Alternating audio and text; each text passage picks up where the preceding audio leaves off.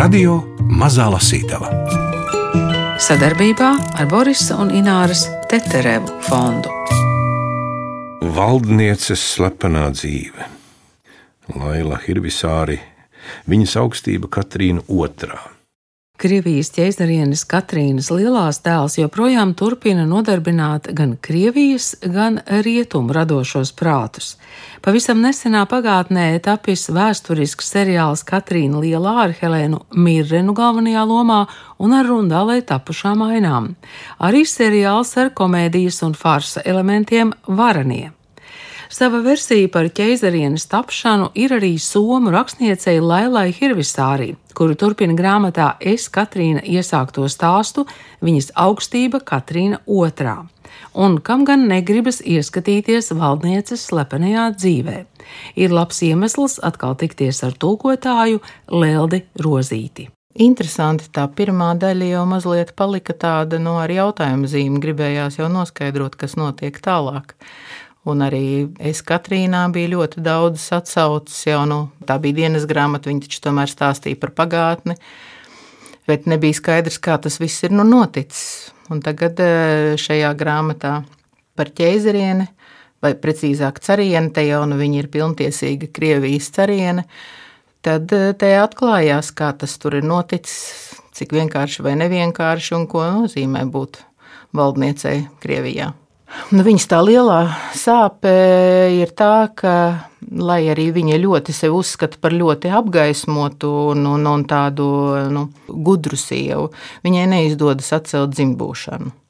Nu, tad e, šī tēma vijās cauri gan vēstulēs, un viņas sarakstē ar gan ar grimu, gan eh, vēl, nu, kur viņa it kā taisnojās, kā tas ir noticis, nu, kā, jo viņi, nu, tomēr viņi par to ļoti domāja. Tā vismaz vēsturiski avot runā par to. Mm, bet eh, iespējams, ka viņa arī būtu ko vairāk darījusi, bet Pugačova dumpis, kas trāpījās viņas laikā, Un eh, Pugačovs bija ārkārtīgi nežēlīgs. Un tad viņš ar lozungu, ka tagad nu, atbrīvos no dzimtbūšanas, viņš eh, satricināja ļaudis un, un ļaudis gāja slepkavodami muizniecību. Un, nu, tas bija tik nežēlīgi un tik asiņaini, ka Katrīna bailēs par to, kas varētu notikt. Un arī, protams, muizniecības spiediens, nu, tas viņai neļāva īstenot to, kas tā arī palika viņas tā lielā sāpe. Ja pavilktu svītru aiz 1770. gadiem, es biju valdījusi gandrīz 18 gadu. Septiņu gadu karš bija aiz muguras, piecus gadus ilgušais turku karš bija noslēdzies ar miera līgumu. Tas man iemācīja, ka mūsdienu karā cīņa nenotiek vīrs pret vīru vai kuģis pret kuģi, bet cīņa notiek pret veselām pilsētām, un tad kara upuri ir arī sievietes un bērni. Tas man sāpināja, bija grūti priecāties. Un mani nomāca arī gadījums, kad atkal kāds vienkāršais cilvēks nolēma ņemt varu savās rokās. Pugačova nāves sots nebija pietiekams brīdinājums, jo varas kāri padara cilvēku aklu, liek zaudēt spriestspēju un melot tā, ka viņš pats notic saviem meliem. Vai tu izstāstīsi, Leon, un es klausīšos, vai arī stāstīšu es, un tu klausīsies? Nu, cerien, jūs šajā Tarakānavas gadījumā tikāt turēta mazliet nostāk. Vai pareizāk sakot, kad atgriezāties no Maskavas, jūs pati norobežojāties Carskais selo, lai turētos pēc iespējas tālāk no Tarakānavas. Esmu šo stāstu jau pierakstījis, par šo pašu tēmu ir rakstījuši arī daudzi citi, lielākoties gan melus. Tikai es šajā jautājumā 1776. gada pavasarī sazinājos ar Alekseju Orlovu un tikai es personīgi satiku Kņazieni Tarakanovu. Leon, tā ir tiesa, ka turējos nostāk, bet arī šajā gadījumā man bija jāparaksta nepatīkami lēmumi. Un tas ir jūsu pienākums, madam. Runa ir par jaunu, skaistu zilacainu bruneti, kas pirms ierašanās Krievijā mēdzas sevi saukt par Elizabeti. Visur Eiropā viņa stādījās priekšā kā Romānavu troņmantniece, kuru cariene Katrīna pastūmusi malā. Es viņu redzēju, skaista, sievišķīga un naburoša sieviete. Viņa daudz uzturējās Francijā, Itālijā un Vācijā, visiem stāstīdama, ka viņas māte ir cariene Elizabete un tēvs viņas mīļākais Aleksis Razumovskis. Šis Tēvs ir jūsu nelaiķis vedeklis Natālijas Aleksejevnas mīļākā Andreja Razumovska tēvocis. Sieviete ceļoja no vienas pilsētas uz citu, pieņēma ielūgumus, apbūra muizniekus un arī muiznieces. Viņa tos pārliecināja un noslēpumaini runāja par apvērsumu izdarījušo Katrīnu, kuras atrašanās Krievijas tronī balstās uz meliem. Viņa uzvedās apburoši, izturēdamās kā nabadzīga muizniece un pazemīgi pieņēma vīriešu dāvātās rotas un apģērbus. Sievietē bija daudz vārdu. Ali Emetē, Azovs kņaziene, Volodimirs kņaziene, grāfiene Pimberga, Demoiselle Šel, kņaziene vai princese Sultāna Sēlime, kņaziene Tarakānova, taču mēs zinājām, ka carienē Elizabetē nebija bērnu. Tarakānova bija vai nu prātu zaudējusi, vai arī ļoti prasmīga afēriste. Es atceros, ka Aleksis Orlovs jums rakstīja un vaicāja padomu, ko darīt ar meiteni, kas grib tikt uz Krieviju, lai atņemtu jums troni. Nē, es pirmā aizrakstīju uz Itāliju Aleksējam Orlovam, kad no kāda Parīzes drauga saņēmu ziņas par šo meiteni. Lūdzu, lai Aleksējs noskaidro, par kādu sievieti ir runa un vai viņa ir bīstama. Madam, Jūs pirms pāris mēnešiem bijāt atgriezusies no Maskavas miera svinībām un pavasari nolēmusi pavadīt savā Carskajas silo pilī. Tad jūs saņēmāt Aleksēja vēstuli, kur bija vēlnišķīgs priekšlikums. Meitene un Aleksējs satikās Itālijā, Pizā, kur Aleksējs ciemojās. Aleksējs noskaidroja, ka meitene ir piedzīvojumu meklētāja un izdomāja paņēmienu, kā tūlīt viņu nogādāt Krievijā. Jūs taču zināt, cik Aleksis Orlovs spēj būt labs aktieris. Viņš lika meitenē noprast, ka jūtas apvainots sava brāļa Grigorija Orlova dēļ, jo tas bija izstumts no favorīta lomas un pat paredzēts izsūtīšanai uz ārzemēm. Aleksis teica, ka vēlas palīdzēt meitenei kāpt tronī, aprecoties ar viņu, un tad viņi dalītu valdinieka pienākumus. Pret meiteni izturējās kā pret princesi. Aleksējs viņai norganizēja pizā svinības, dancināja viņu, veda naksnīgās pastaigās, pirka rotas lietas, zvērēja mīlestību un lūdza, lai viņa brauc kopā ar to uz Pēterburgu. Viņi devās uz Livorno, kur tos gaidīja admirāļa kuģis. Uz kuģa tika sarīkotas viltus kāzas, meitene jeb kņaziene. Tarakānova lēja laimes asaras, domājot, ka tagad ir jaunlaulātā grāfiene Orlova. Viņai bija vārds, likumīgs vīrs, un viņa devās uz Pēterburgu, lai pieprasītu troni, bet jaunlaulātais vīrs pazuda, pameta kuģi un atstāja jauno sievu vienu pašu. Meitene tika ieslēgta kājītē, kuru viņa neatstāja līdz Kronštatei. Kuģis Pēterburgu sasniedza maijā, meitene uzreiz tika nogādāta uz Petropavlovskas cietoksni un ieslodzīta mazā tumšā kamerā cietuma austrumu spārnā. Tur bija viena fantastiska epizode, kur eh, viņa maskējas un aiziet uz to krogu. Šo gājienu tā, jā, tā kā varēja atklāt arī mazliet, kas tajā laikā notika eh, Krievijā, kā tur tās pirmās iespējas kaut ko darīt, uzņēmēja darbība. Tūkotāja Lelda Rozīte stāsta par Lailas Hirvisārī grāmatu Viņas augstība Katrīna II. Dažas epizodes, piemēram, par to, kā ķeizariene nomaskējās un gāja uz krogu kartoška, lasa Gundars Āboliņš. Man jau ilgi nedeva mieru jaunumi, ka kāda no Maskavas ieradusies Matuška rudenī atvērusi jaunu restorānu Kazanskai ielā. Visi viesi tiek uzņemti, neviens netiek raidīts prom, Milzīgās krāsnis kurina tikai ar bērnu malku, cepot veselus sivēnus, tā kā restorāna sauc kartoška, tur tiek piedāvāti kartupeļi. Manuprāt, laba doma. Maskavas matuška Vera Zinovjevna iet savam laikam pa priekšu. Vai tad es allaži neteicu, ka kopš kartupeli atved uz Krieviju, tas glābīja no bada? Es izstrādāju plānu, kurā ietilpa vīrietis. Vecāks vīrs, manu gadu, Sākumā domāju par škūrinu, tas neizdotos. Tad es atcerējos savu veco kučieri Valentīnu.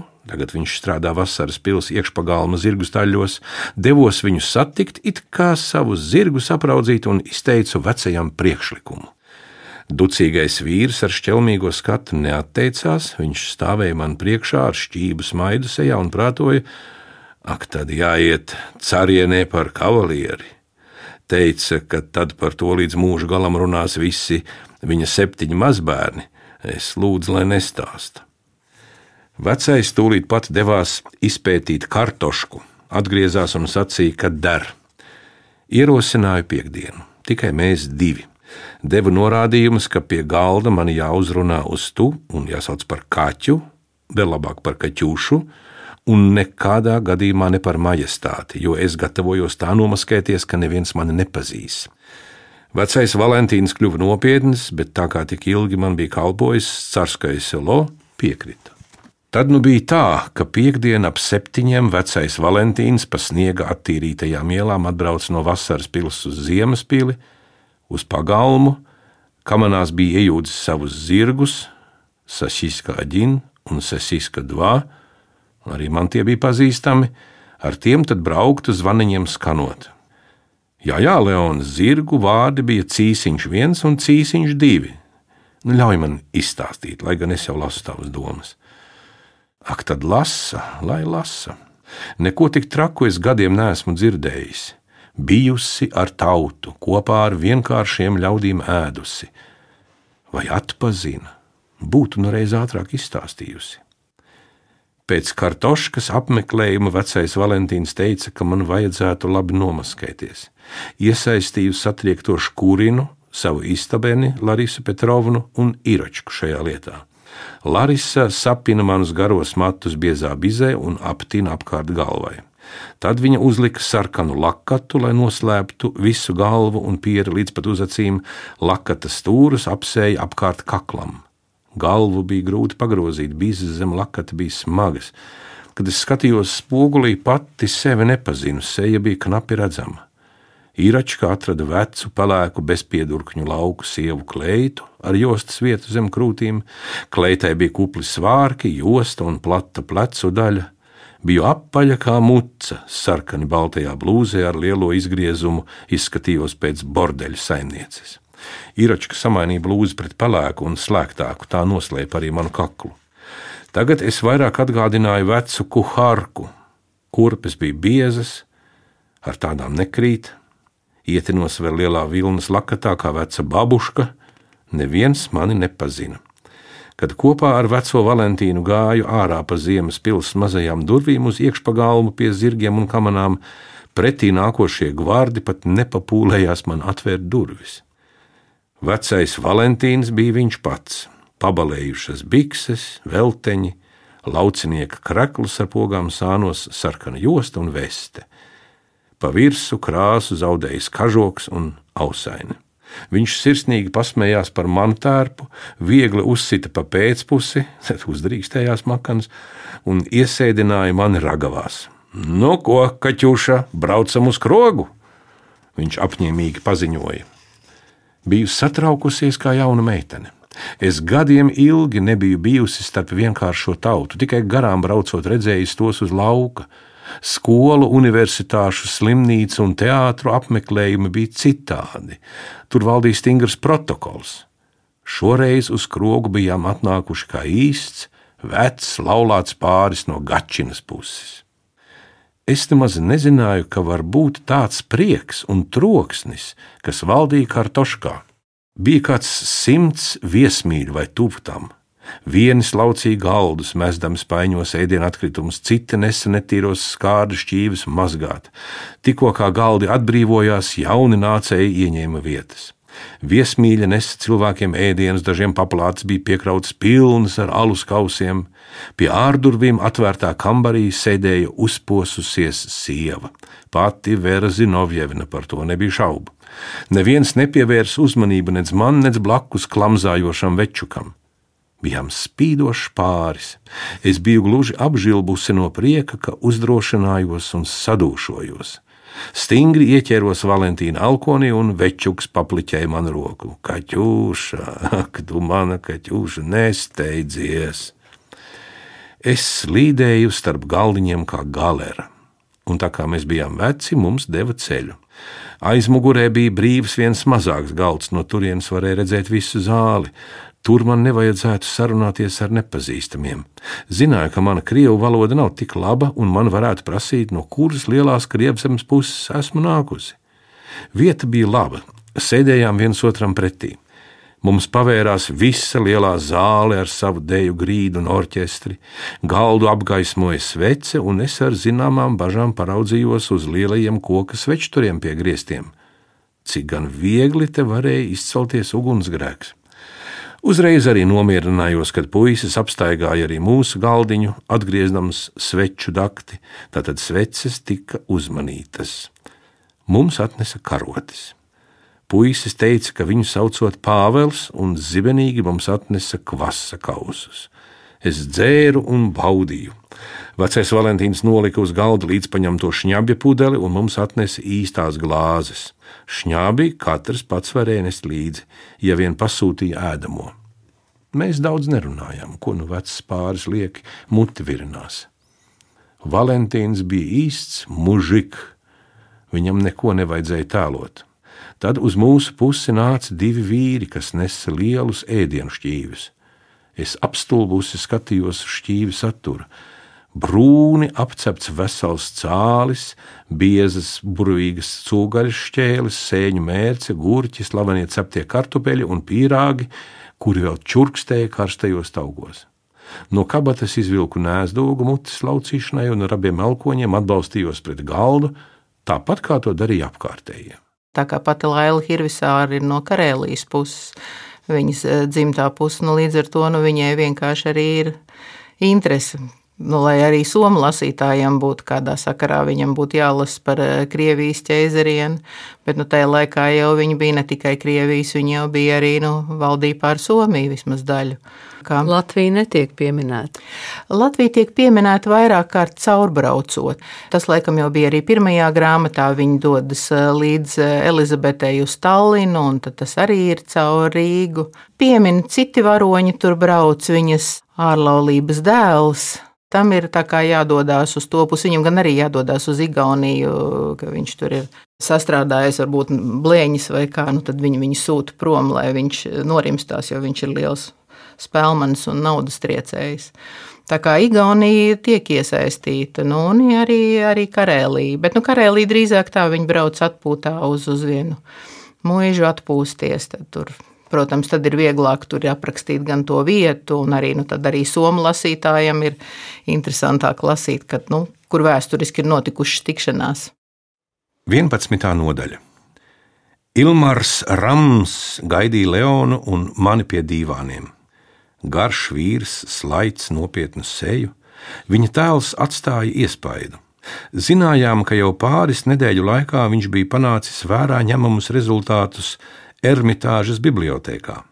Stāvējām abi ar Leonu, jutāmies aizkustināti. Viņš atnāca noskūpstīt man roku, sasveicinājāmies, un tad viņš stādījās priekšā Leonam. Mēs slēpām ar tikšanos saistītās izjūtas.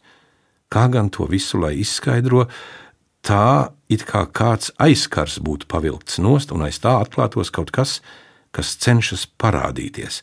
Tā it kā tas būtu pilns prieka, skumju, prieka, skumju, kā šūpolēs, vispirms augšā, tad lejā, tad atkal augšā.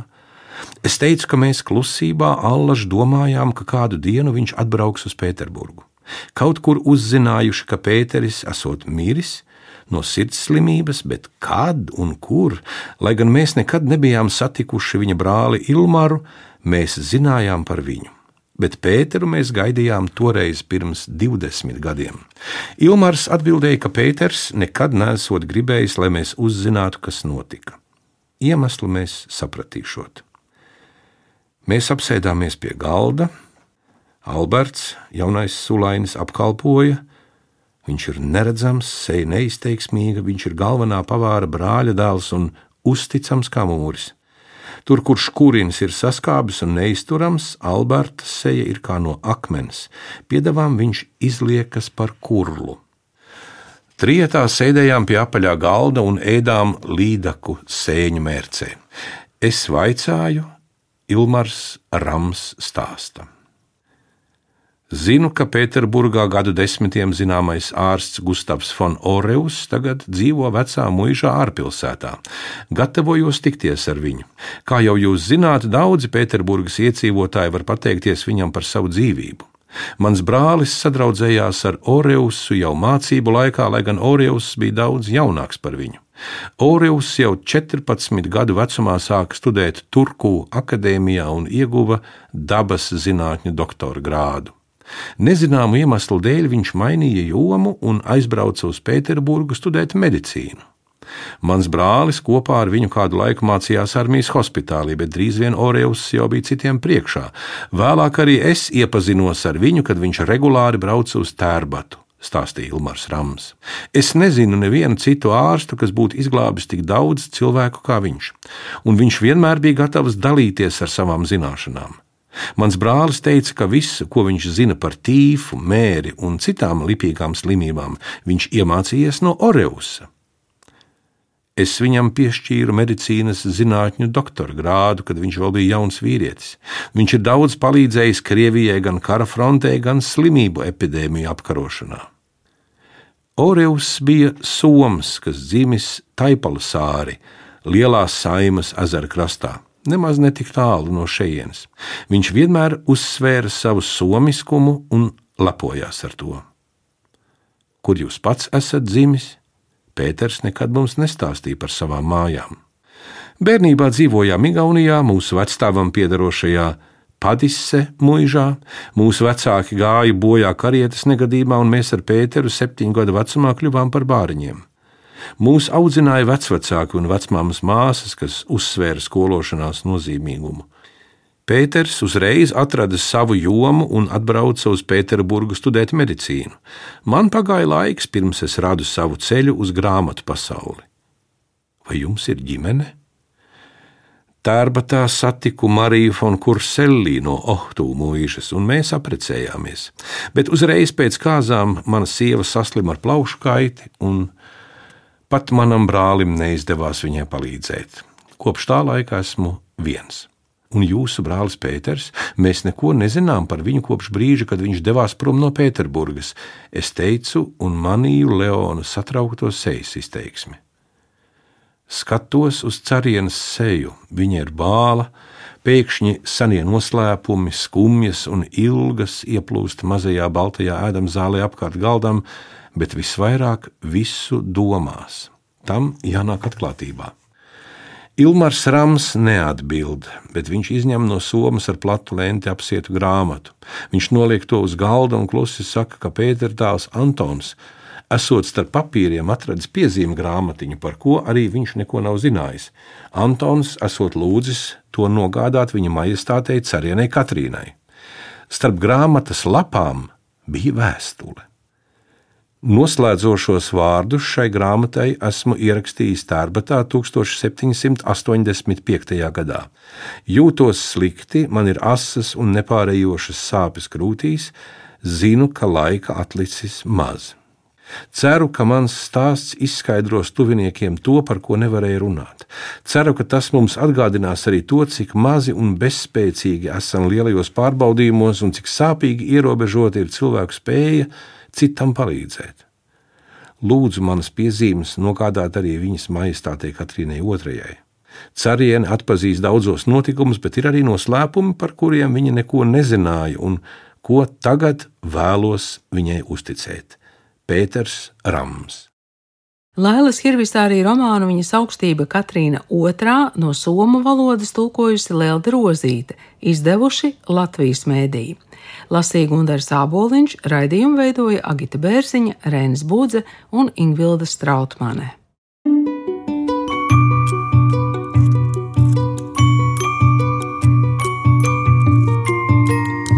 Radio Mazā Lasītava sadarbībā ar Borisa un Ināras Teterevu fondu.